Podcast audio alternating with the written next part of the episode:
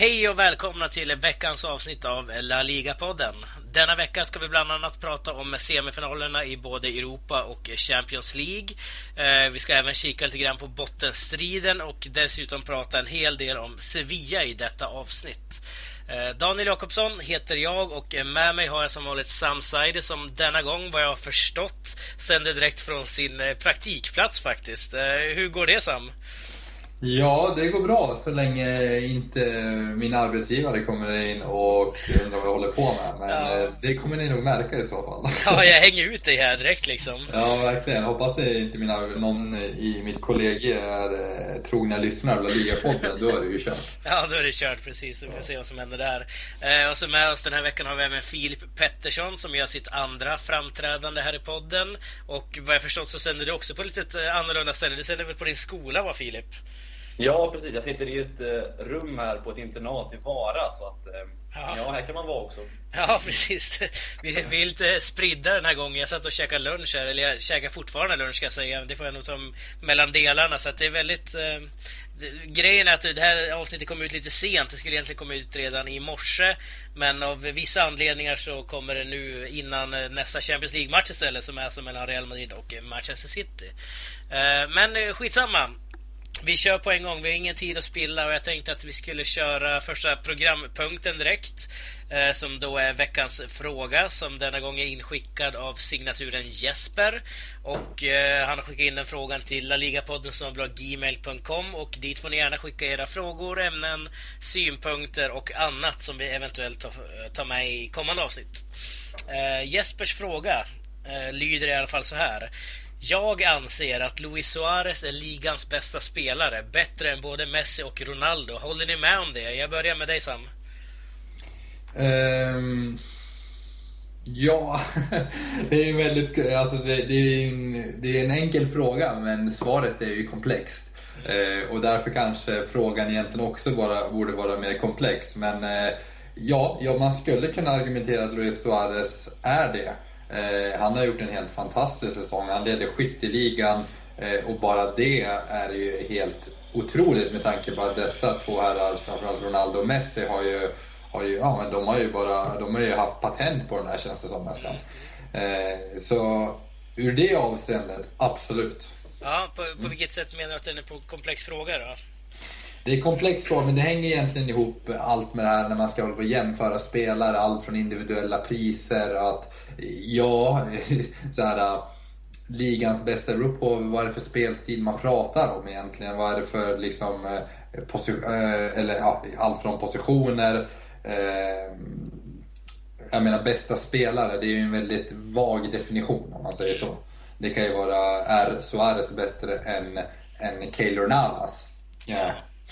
ja, men det, det är lite sådana avvägningar som vi ofta gör när vi diskuterar om Ballon d'Or ja, också bland annat. Precis. Ja, eh, men eh, samma fråga till dig då Filip, eller vi tar Jespers fråga här. Anser du att Suarez är ligans bästa spelare? Jag håller med Sam om att det är oerhört svårt att besvara den frågan. Framförallt nu med tanke på att Suarez, jag förstår ju att frågan kommer eftersom Suarez har ju varit fantastisk. Framförallt här under det här året, det här kalenderåret tycker jag. Och de senaste matcherna när han bara öst in ja, både mål och assist egentligen. Men jag vill ändå, vill ändå peka på, på Messis vikt när det handlar om att bygga upp spel och hämta boll. De är ju helt olika spelartyper. Mm. Um, och jag håller ju båda två som, som topp tre i ligan. Um, men jag vill ändå, um, rent generellt så håller jag nog fortfarande Messi högre faktiskt. Även om, uh, även om Suarez är där och, och är precis bakom, i mitt tycke kanske. Ja, precis. Eh, jag antar att du delar Sams mening där också med att det är en väldigt komplex fråga och väldigt svår fråga att besvara med tanke på att det är så mycket man ska väga in där också. Eh, ja, det är alltid svårt att jämföra spelare så att eh, ja, absolut. Och framförallt måste man ju ta lag för lag också. Jag menar en målvakt i sig ett bottenlag kanske betyder mer än vad ett, en Ronaldo gör i Real Madrid exempelvis eller liknande. Mm. Men ja, härligt. Jag tror att vi får gå vidare och vi tackar dig Jesper för den frågan. Um, vi går vidare och snackar lite grann om det jag nyss nämnde här lite kort. Uh, bottenstriden.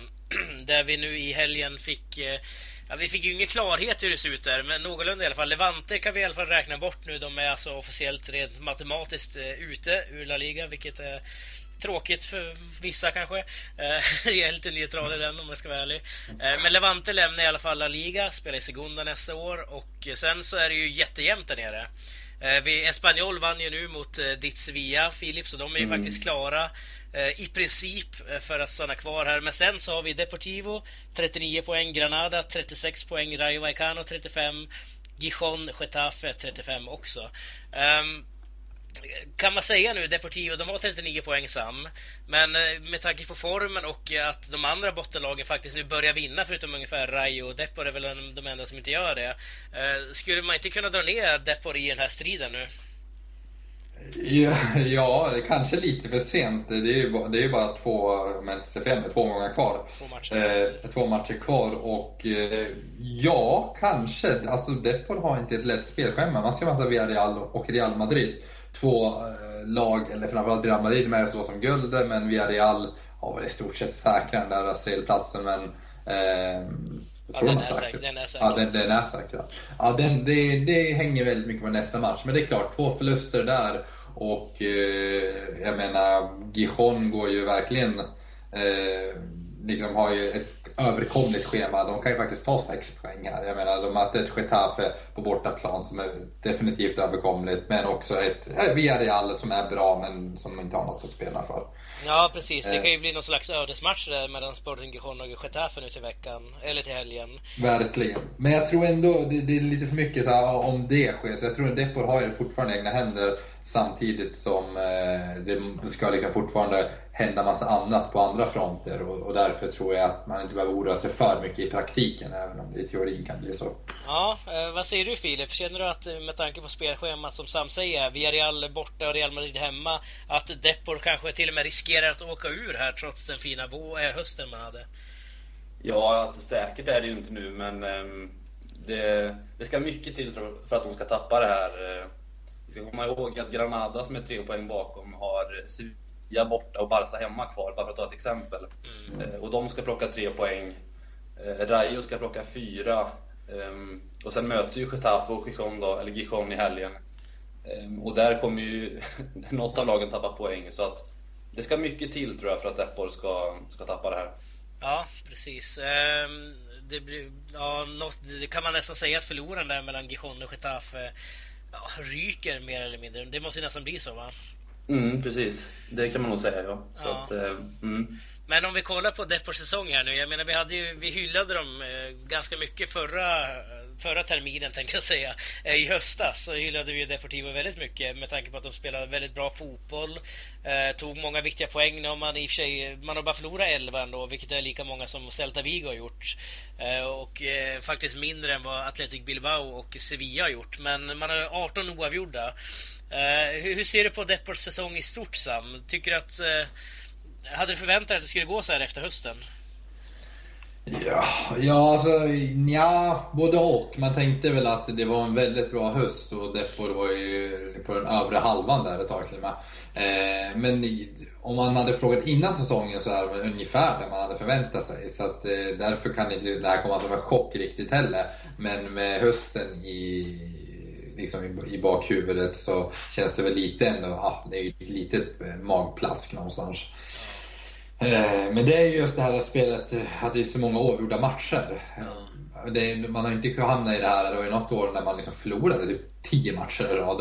Eh, nu kan man ändå hitta lite moral i att man ändå plockar poäng. Jag menar, att ta en skalp mot Sevilla borta för några omgångar sedan, det är ändå ett bra, bra gjort. Eh, sedan är väl inte 0-8 mot Barcelona en, en fröjd för ögat, eller 1-3 mot Las Palmas, eller 0-2 mot Getafe för den delen. Nej.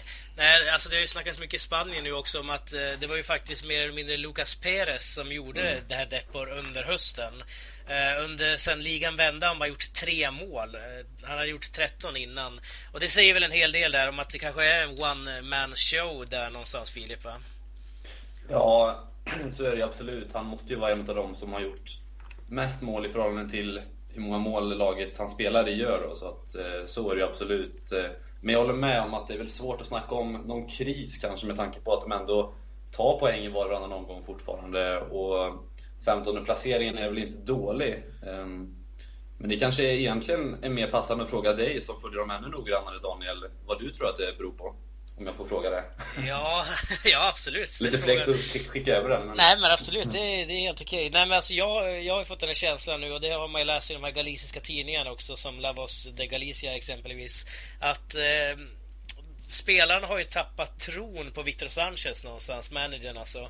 Mm. Eh, och man har någonstans tappat liksom hans spelsätt och hans spelidé. Hur det här har kommit sig, det, det vet jag inte, men det är ju resultaten såklart som har Eh, speglas. Och vinterfönstret gick ju sådär. Det var ju ingenting som förstärkte laget. Det var ingen, ingenting som visade på att man skulle framåt i tabellen. Utan det var ju snarare att man skulle behålla sin tionde plats ungefär.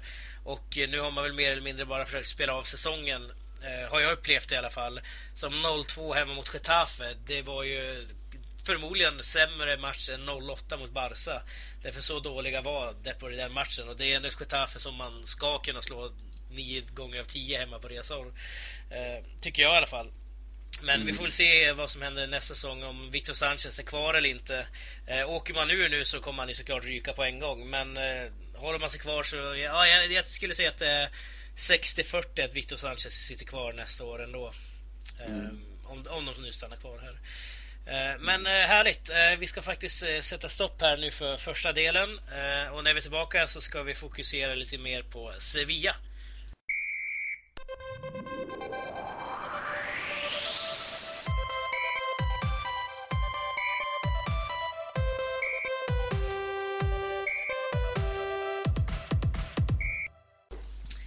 helgen som var så förlorade Sevilla med 1-0 mot Espanyol i en match där Sevilla vilade framförallt väldigt många viktiga pjäser inför kommande Europa League-semifinalen mot Shakhtar.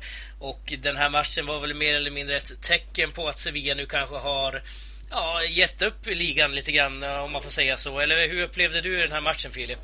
Ja, verkligen. Bara kolla startuppställningen så så ser man ju lite hur Unai Emery prioriterar det här och det är väl inte speciellt konstigt eh, såklart med tanke på att i ligan har man ingenting att spela för egentligen och mm. i Europa har man allt att spela för. Så det är väl inte konstigt men det är ju en extremt reservbetonad elva han tar ut. Det är alltså inte bara truppspelare som kommer in utan även spelare som inte har spelat på hela säsongen som, eh, från B-laget då som Matos och Kotan och Kurro och några till. Så att det var ju en extremt reservbetonad elva. Och resultatet var ju därefter också, så att eh, det är väl inte så mycket att säga om egentligen. Nej, det var en rättvis seger för Espanyol menar du? Ja, absolut. Det måste jag, det måste jag säga. De hade ju allt att spela för eh, istället. Och, och var betydligt bättre eh, på hemmaplan då. Så att, och med tanke på hur Sevillas bortaspel har sett ut så kändes det faktiskt som en, som en nästan given förlust på förhand tyvärr. Ja, eh, precis. Eh, som du säger, Spanjol krigar faktiskt för sin överlevnad och har ju faktiskt nu, det måste vi säga, klarat kontraktet också. Mm, eh, men hur såg du på den här matchen Sam? Kände du också ungefär som Filip att det var fokus på annat kanske än just ligamatchen mot Espanyol? Ja, fokus ligger ju på Shakhtar Donetsk hemma och det kunde man det, det, det, märkte man direkt när man såg laguppställningen innan matchen och även spelet precis som vi hörde här innan, att eh, Sevilla har eh, ja, gett upp ligan och det är inte så konstigt. Det finns ju inget att spela för längre. Och eh, en seger i Europa League skulle ju faktiskt rädda hela säsongen. Ja, precis. De, de, har ju faktiskt eh, redan säkrat en Europa League-plats i och med att man är i final i Copa del Rey och sådär. Mm, eh, och sen så har vi då Europa League. Vinner de den så har de en Champions League-plats igen. Ja. De tar den vägen. Eh, så du, du, tycker det var rätt av Emre här Sam, att han vilar spelare för faktiskt kanske lite viktigare matcher för Sevillas del? Ja, för nu är det bara... Alltså egentligen är det bara Europa League som är liksom huvudprioritet. Vinner man den så får man faktiskt en, en kvalplats till Champions League som både kommer vara väldigt viktigt att ta, ta med sig in i silly season i transferfönstret för att kunna locka bra spelare men också liksom ekonomiskt för klubben. Och, men bra för Spanien. Alltså det är mycket bra om Spanien återigen lyckas kvala in fem lag. Det hade varit helt fantastiskt. Ja precis, då är det ingen, ingen fråga om Uefa-koefficienter framöver på 20 år i alla fall. Nej, precis. Eh, men jag tänkte att vi kan hoppa direkt på den här matchen då. Espanyol känns ju lite sådär att diskutera med tanke på hur, hur det såg ut i den här matchen. Det var ju faktiskt väldigt avslaget från Sevillas del måste man ju säga. Eh, men om vi kollar på Shakhtar Donetsk som man möter nu på torsdag Filip. Eh, mm. Ni har 2-2 att gå på här. Vitolo gjorde första, sen gjorde Shakhtar 1-1 och 2-1 och sen Gamiro på straff då. Eh, hur upplevde du den matchen till att börja med, den som var förra veckan? En otroligt svängig match. Nästan läskigt svängig. Där Sevilla började otroligt bra och, och, och var väldigt aggressiv och, och, och styrde spelet egentligen.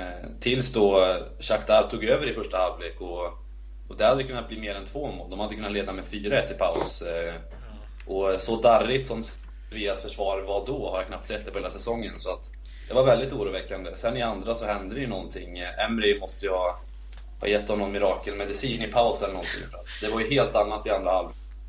Där hade det kunnat bli fler mål än ett, men, men framförallt skönt att få det där 2-2 målet. Mm. Så, man, så man tar med sig den energin till returmötet här och 2-2 är ett fint resultat såklart att ta med sig till Pijuan. Ja, du, du var nöjd med 2-2 där helt enkelt? Ja, absolut. Eh, men matchen som väntar nu då, vad, hur, hur, känner du inför den? Vad är dina tankar där? Känner du att det kan bli en första halvlek för Sevilla eller en andra halvlek? Eh, om vi säger spelmässigt. Ja, det borde väl kunna bli en eh, som, som andra halvlek så ut med tanke på hur hemmaspelet har varit och hur starka de har varit såklart i den här turneringen. Och framförallt trycket i Sevilla verkar vara enormt. Alltså biljetterna tog slut väldigt snabbt vad det verkar och, eh, och Vitolo gick ut och sa här i veckan att det är den viktigaste matchen på året så att det finns en enorm laddning inför den här matchen och, och jag tror att Sevilla kommer att prestera väldigt, väldigt bra också. De har ju i stort sett alla tillgängliga så att mm. det kommer att bli en fantastisk tillställning tror jag. Ja, vilka är det som saknas i truppen just nu då? Ja, givetvis då Krondeli som tyvärr åkte på den här eh, knäskålskadan. Knäskålen gick ju led. Eh, Andreoli saknas sen tidigare, det är väl inte så mycket att säga om, han har varit skadad länge. Um, och tyvärr så saknas Reyes också, som uh, fick operera blindtarmen här nyligen. Um, ja. För han hade ju varit ett alternativ till Krondeli såklart, så nu lär väl Konoplyanka få spela. Och, um, mm, det, är ju, det är ett minus såklart, men i övrigt så, så ser det väldigt bra ut uh, i Sevilla. Ja, precis. Får hoppas att Konoplyanka får en sån där supermatch som man kan ha ibland. Ja, han är lite för ojämn, det är ju det. Men, ja. men ibland blixtrar han till, helt klart. Ja, eh, hur är dina tankar då Sam inför det här mötet på torsdag? Vad, vad, vad har du för förväntningar på Sevilla här? Ja, nej, men jag, jag förväntar mig en finalplats. Mm.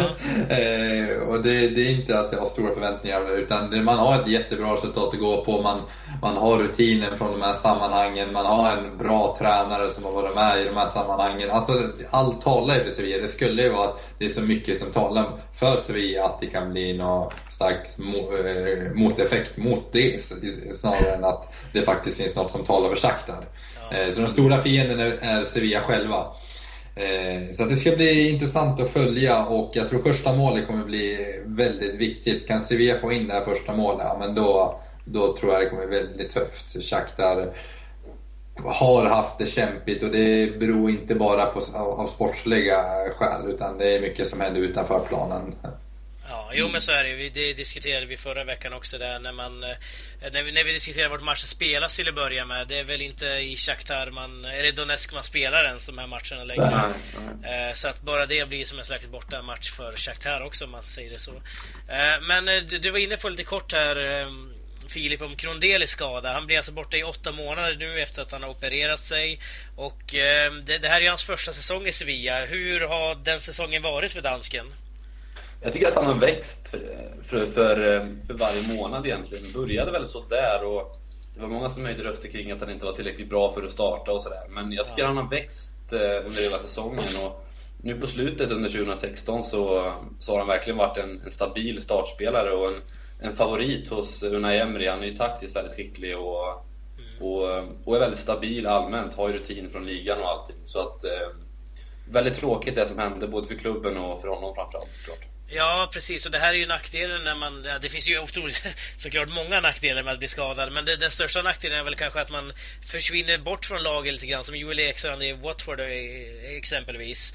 Eh, man mm. försvinner bort från laget. Man, man, man kanske inte tänks på av managern av klubben och supporterna på samma sätt. Och på något sätt så hamnar man i någon slags frysbox. Mm. Eh, om man inte heter Iker Monin i Athletic Bilbao i och för sig. Han var ju, nämndes ju varje vecka ändå. Eh, trots att han var borta ett år nästan. Men eh, hur känner du här Sam? Tror du att Krondele kommer glömmas bort i Svea? Det är såklart en väldigt hypotetisk fråga. Eller tror, kommer man söka någonting nytt här istället för Krondele som ett nytt alternativ?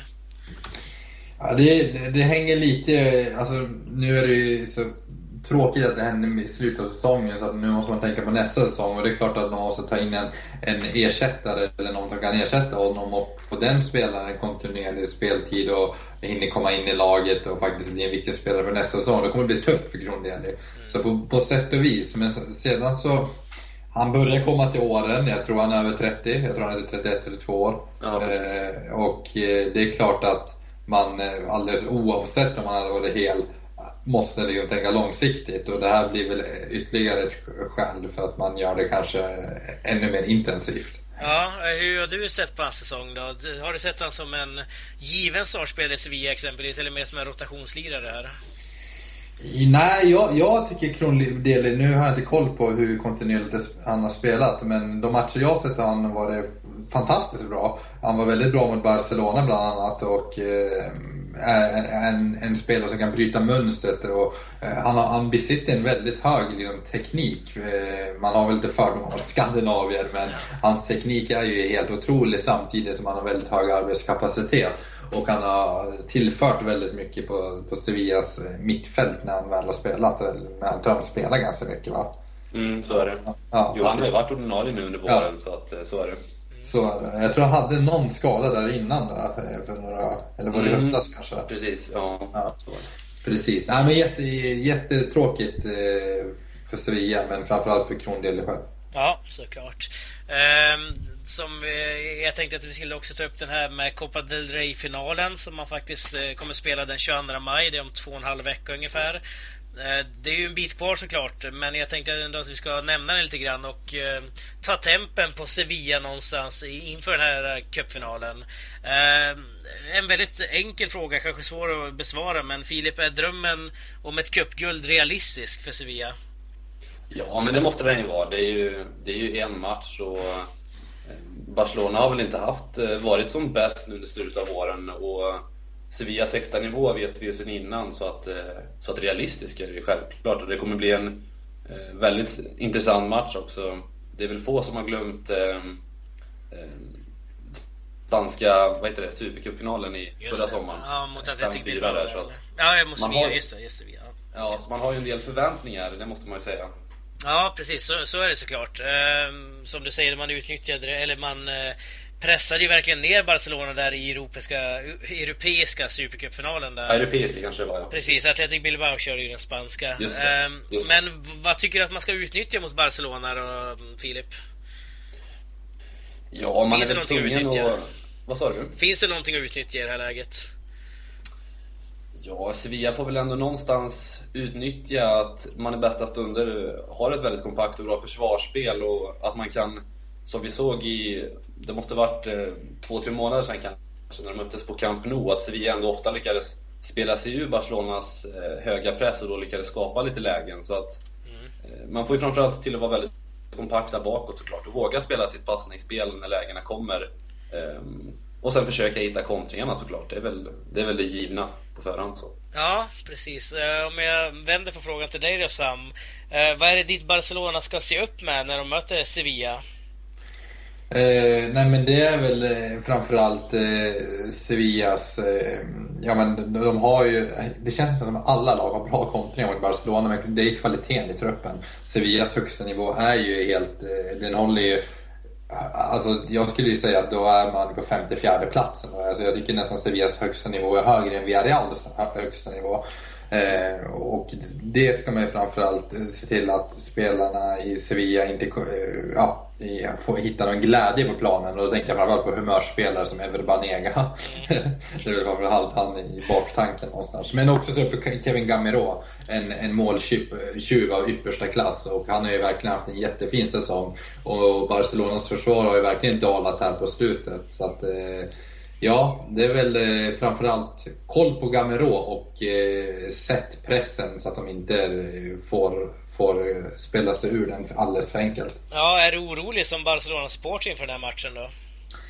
Eh, ja, Barcelona har väl sett lite bättre ut, men det är klart Barcelona har en, en dag, alltså de har en nedåt, nedåtgående form egentligen, även om man har hittat tillbaka resultatsmässigt så har det fortfarande inte sett bra ut. Eh, och hela egentligen våren har sett ut på det här sättet. Men det finns för mycket individuell kvalitet för att man ska känna att eh, Barcelona skulle vara underdogs eller någonting, för det kommer de inte vara. De är ändå storfavoriter. Eh, och det finns fortfarande goda möjligheter att vinna den, den här turneringen. Absolut. Sen har ni ju Luis Suarez också som är en av mina favoritspelare som vi diskuterade förut, bland annat. Ja.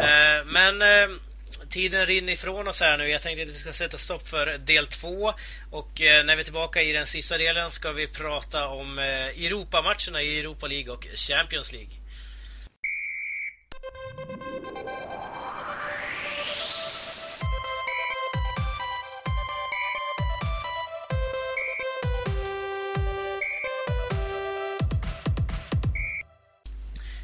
Denna tredje och sista del var min tanke att vi skulle fokusera på Champions League och eh, Europa League-matcherna som spelas nyss i veckan. Eh, vi har alltså fyra lag i eh, rullning där. Två i Champions League-semifinalen och två i Europa League-semifinalen. Vi var i förra delen inne på Sevillas match mot Shakhtar. Så den kommer vi inte nämna nu, utan den släpper vi just nu. Och jag tänkte att vi direkt ska hoppa på Champions League-matchen som vi såg igår mellan Atletico Madrid och Bayern München. Där eh, Atletico förvisso förlorar med 2-1 men är ju faktiskt nu klara för sin andra final på tre år i Champions League, vilket är väldigt imponerande måste man ändå säga. Och eh, om vi börjar med den matchen Filip, hur eh, kändes den när du satt och kollade på den? Det var väl en, ganska väntad matchbild såklart att Bayern tryckte på, försökte trycka på och, och Atletico försvara sig med Eh, egentligen hela laget, ehm, ja i stort sett i alla fall. Men det jag framförallt tyckte jag var imponerad ändå av sättet Bayern München spelar på. Nu åkte de ju ut och, och har inte nått finalplats någon gång under Guardiola men jag tycker ändå att de, de föll med, med flaggan i topp, det måste jag säga. De, de lyckades eh, spela sig igenom några gånger och hade ju med tur kunnat vinna den här matchen med, med, med 2-3-0. Ehm, det var väl kanske straffmissen i första halvlek av Müller som blev avgörande till slut. För Atletico var ju hypereffektiva när väl läget kom. Men mm. generellt sett så är jag ju imponerad ändå av Bayern München trots uttåget. Och, och Atletico har man ju hyllat eh, jättemånga gånger och, och, för, och de förtjänar ju fortsatt hyllning såklart. Men, men eh, ja, de hade marginalerna med sig igår, det får man nog säga ändå. Ja, eh, nu har alltså Guardiola som du är inne på åkt ut här mot eh, Barcelona, Real Madrid och nu Atletico Madrid. Eh, Sam, vad, klarar han inte av de här spanska lagen, din gode Guardiola tänkte jag säga? ah, nej men han har haft svårt för de spanska lagen. nu förvisso matcherna mot Real Madrid och Barcelona, där blev det ju nästan utskåpning och det kan man säga allt från taktiska missar till en, ja, Ah, någonstans känner jag väl också att han, ja det blev liksom för mycket Guardiola mot Barcelona och Real Madrid. Men här, i den här matchen var det faktiskt orättvist. Bayern München var bättre. Över De här två mötena var Bayern München det bättre lag och man skulle ha gått vidare. Men det är återigen det som är så fantastiskt med Champions League. Det bästa laget går inte alltid vidare. Beroende på hur man definierar vem som är bäst såklart. Men eh, ur min synvinkel och liksom eh, min, från min ob slags objektivitet så var Bayern München det bättre laget. Man borde ha vunnit den här matchen, men små marginaler helt enkelt och det var det som avgjorde. Ja, men var det bara små marginaler som fällde avgörandet här upplever Eller var, kan det inte vara någonting, något taktiskt från Simeone eller liknande? Ja, men grejen är att du måste vara taktisk för att ens kunna mäta dig med ett lag som, som Bayern München. Är du inte det då, då kommer det rinna iväg. Så det är klart, bara det faktum att det är en så Eh, levande match på det sättet eh, så, så har ju Simeon gjort någonting väldigt bra taktiskt i och med att det är en kvalitetsskillnad på de här trupperna. Sedan ska man ju komma ihåg att ja, de här små detaljerna kanske någonstans är det en viss taktisk briljans. Jag menar, Simeone såg ju vart, vart blodflödet var i den här matchen och täppte till det faktiskt i halvlek. Och då fick man bukt med den blödningen för att sedan ja, kunna jobba sig in i matchen. Och där är ju Simeone väldigt skicklig. När han märker att det är någonting som inte fungerar så kan han rätta till det som är tillbaka vid grunden. Mm. Mm. Uh, ja, om vi kollar på just Atletico här nu. De är alltså klara för Champions League-final igen. Um, det gick ju sisådär förra gången när man tappade i 93 eller vad det var när Ramos nickade in. Uh, nu kan vi ställa oss mot Real Madrid igen här nu Filip. Uh, eller Manchester City. Hur tror du att Atletico kan ställa sig i en sån match när det bara gäller en, en drabbning? Jag måste säga att jag jag håller nog faktiskt dem som favorit. Nu har vi ju lite kanske snackat ner dem här men, men man är ju fortfarande våldsamt imponerad av dem. Och, och med tanke på också den inbördes statistiken som finns mot, eh, mot Real Madrid så, så tror jag att de har väldigt, väldigt bra chans att vinna en, eh, vinna en final nu. Oavsett om det är Real Madrid eller, eller City de möter. Så att min gissning här är väl att de reder ut det den här gången. Ja, eh, hur ser du på Atletico Madrid i final, Sam? Ja, det är, en, det är ju en revanschlusta som finns oavsett, om, oavsett vad Simeone kallar det, Han säger det är en ny möjlighet, men det är ju en revansch. Och nu har man ju faktiskt, eh, faktiskt alla möjligheter att få sin revansch. Eh, så att jag, jag tror att ett Real Madrid har också stora chanser att ta Atletico. Eh, och det är väl väldigt mycket så här, mentalt från förra året. För att även inför den finalen så tänkte man att Atletico har, har ju fått någon slags övertag på Real. Och sen när det väl gällde den här Champions League-finalen då, då förlorade man i sista sekund. Men det var också väldigt små marginaler. Eh, man kliver in oavsett om man möter Real Madrid eller, eller City med 50-50 tror jag. Ja, eh, vi har snackat lite grann här och det låter som att ni båda två är lite inne på att det blir Real Madrid i den här finalen. Eh, så, så tolkar jag era uttalanden i alla fall. Eh, kommer det bli så tror du Filip?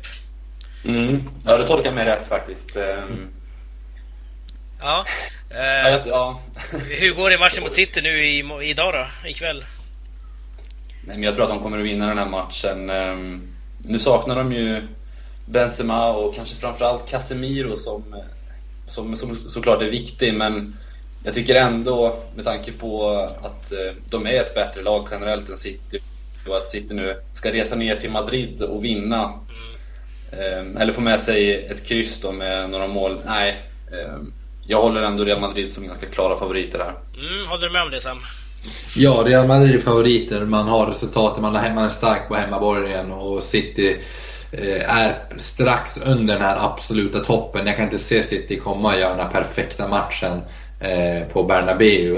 Eh, skulle City mot förmodan gå vidare ändå, då, då är det ju liksom Champions League-charmen återigen. Att det, det, är väldigt mycket nerver och mentalt. Kanske en viss slutminut och en tilltrasslad situation kan ju skicka ut ett lag på, ja, på en sekund.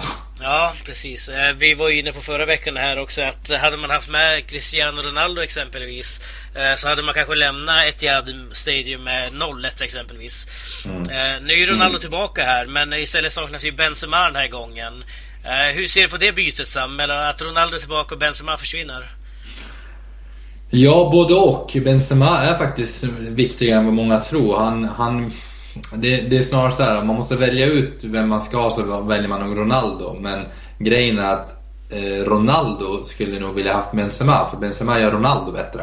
Eh, det är nästan så man ska se på det. Men det är klart att Ronaldo, han, han är en, eh, en målskytt av rang och han behöver inte ens vara bra i spelet för att kunna göra ett mål. Och det kan vara en väldigt dålig match. Jag menar, den matchen på Etihad var ju riktigt bedrövlig och riktigt tråkig att kolla på. Eh, och det kanske blir en sån tillställning ikväll också, men Ronaldo kan bli den här skillnaden. Som har den här eh, spetskvaliteten som kan avgöra sådana matcher. Ja, eh, hur stort avbräck tycker du att det är, Filip, att Benzema saknas i den här matchen? Nej, visst är, det, visst är det ett avbräck. Eh, det håller jag med om. Men som jag sa innan så kanske Casemiro är ett lika stort avbräck. Mm. Med tanke på det han har gjort och det han har bidragit med balansmässigt på mittfältet. Så det är väl en sak jag vill lyfta fram och det är väl frågan hur, eh, hur Zidane resonerar nu. Eh, om man slänger ner Kroos i den rollen och spelar Modric och Isco till exempel framför. Eh, det är väl en ganska eh, viktig fråga egentligen inför ikväll kan jag tycka.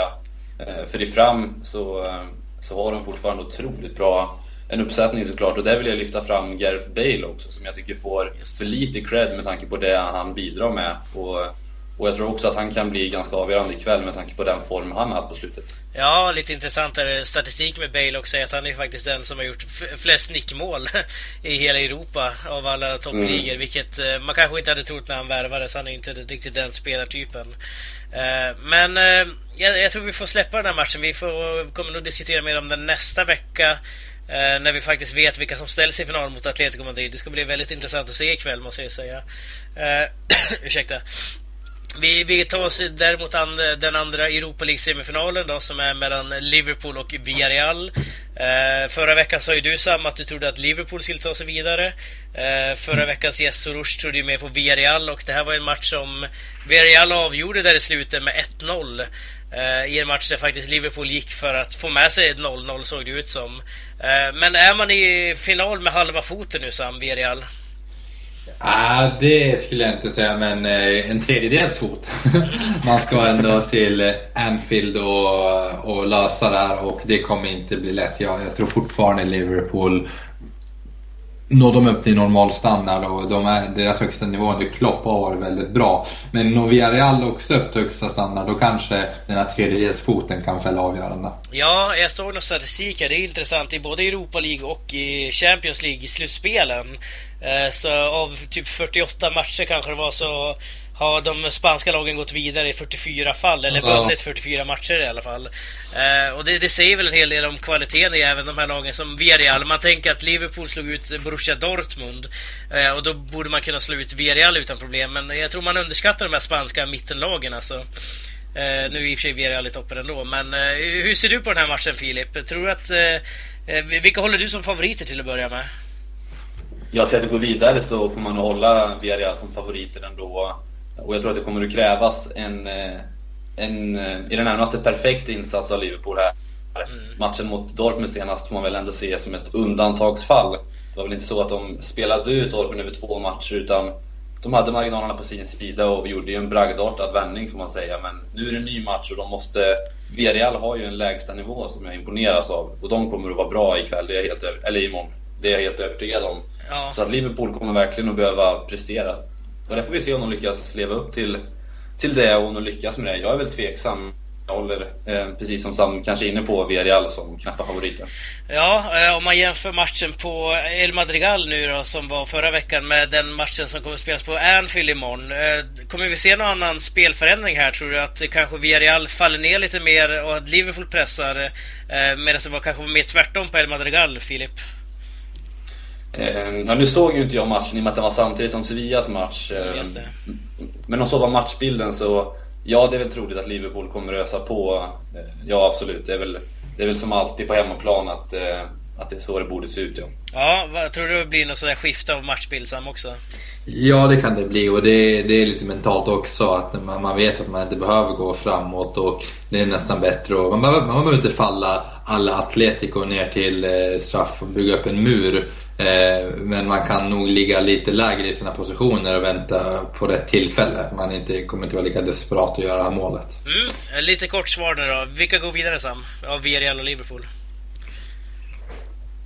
Nej, jag får ju hålla fast Liverpool fortfarande tyvärr. Ja. Även om jag hoppas att det bör på Villarreal. Ja, Filip vad säger du då? Nej, jag säger Villarreal. Du säger Villarreal. Ja, spridda ja. skurar som det ska vara. I och med att jag eh, sympatiserar en del med Liverpool så passar jag på den eh, frågan här. I och med att jag även gillar spansk fotboll såklart. eh, av många anledningar. Men eh, vi går vidare och ehm, ska börja runda av här nu tänkte jag. När vi nu går in på sista programpunkten efter Sams veckolista såklart. Och det är då veckans match. förra veckan så tippade vi ett ångestmöte kan man väl säga, Deportivo mot Getafe som inte alls gick som jag hade förväntat oss, eller någon av oss hade förväntat oss. Eh, matchen slutade 0-2 till Getafe. Eh, du Sam, du tippade ju 3-0 till Depor.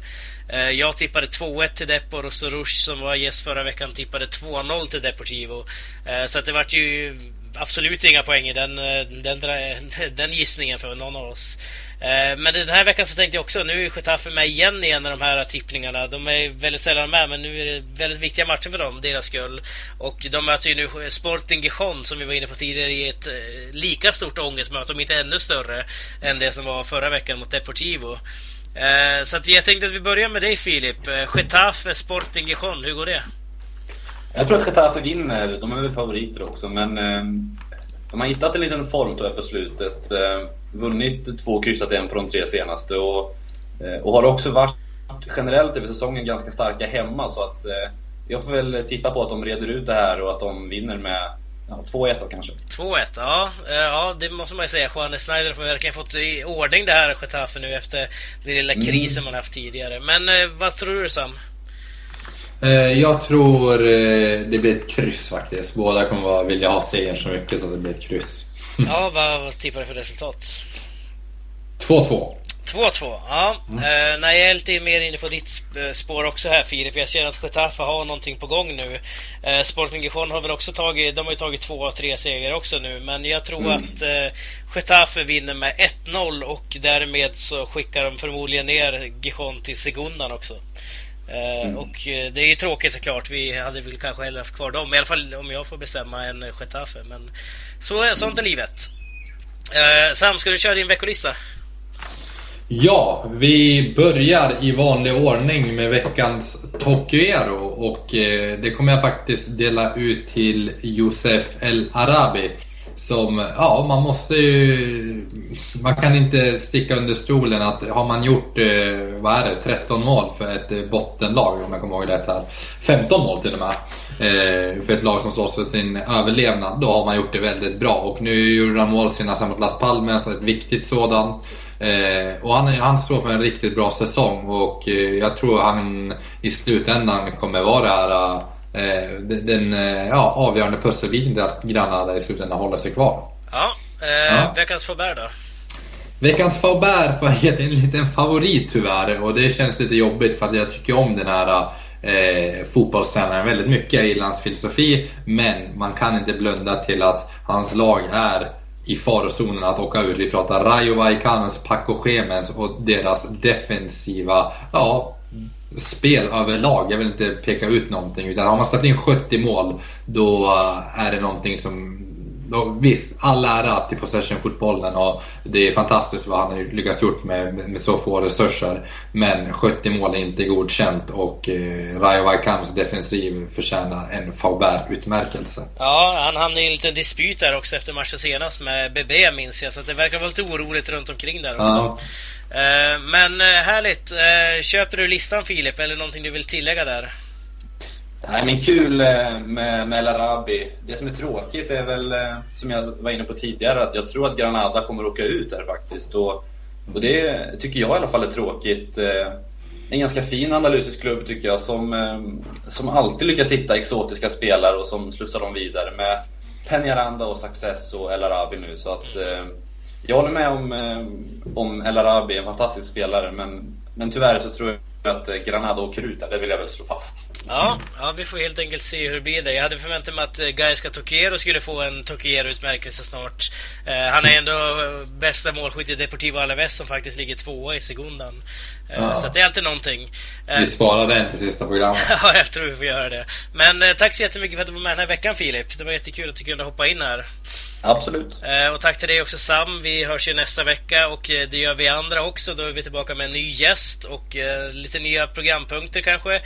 Vill ni att vi ska ta upp någonting så mejla gärna in till laligapodden gmail.com Skicka lite ämnen, frågor, synpunkter och så vidare. Eller om ni vill vara med i programmet för den delen så skicka gärna med det och skriv gärna vilket lag ni håller på då. tack så mycket för oss. Hej då!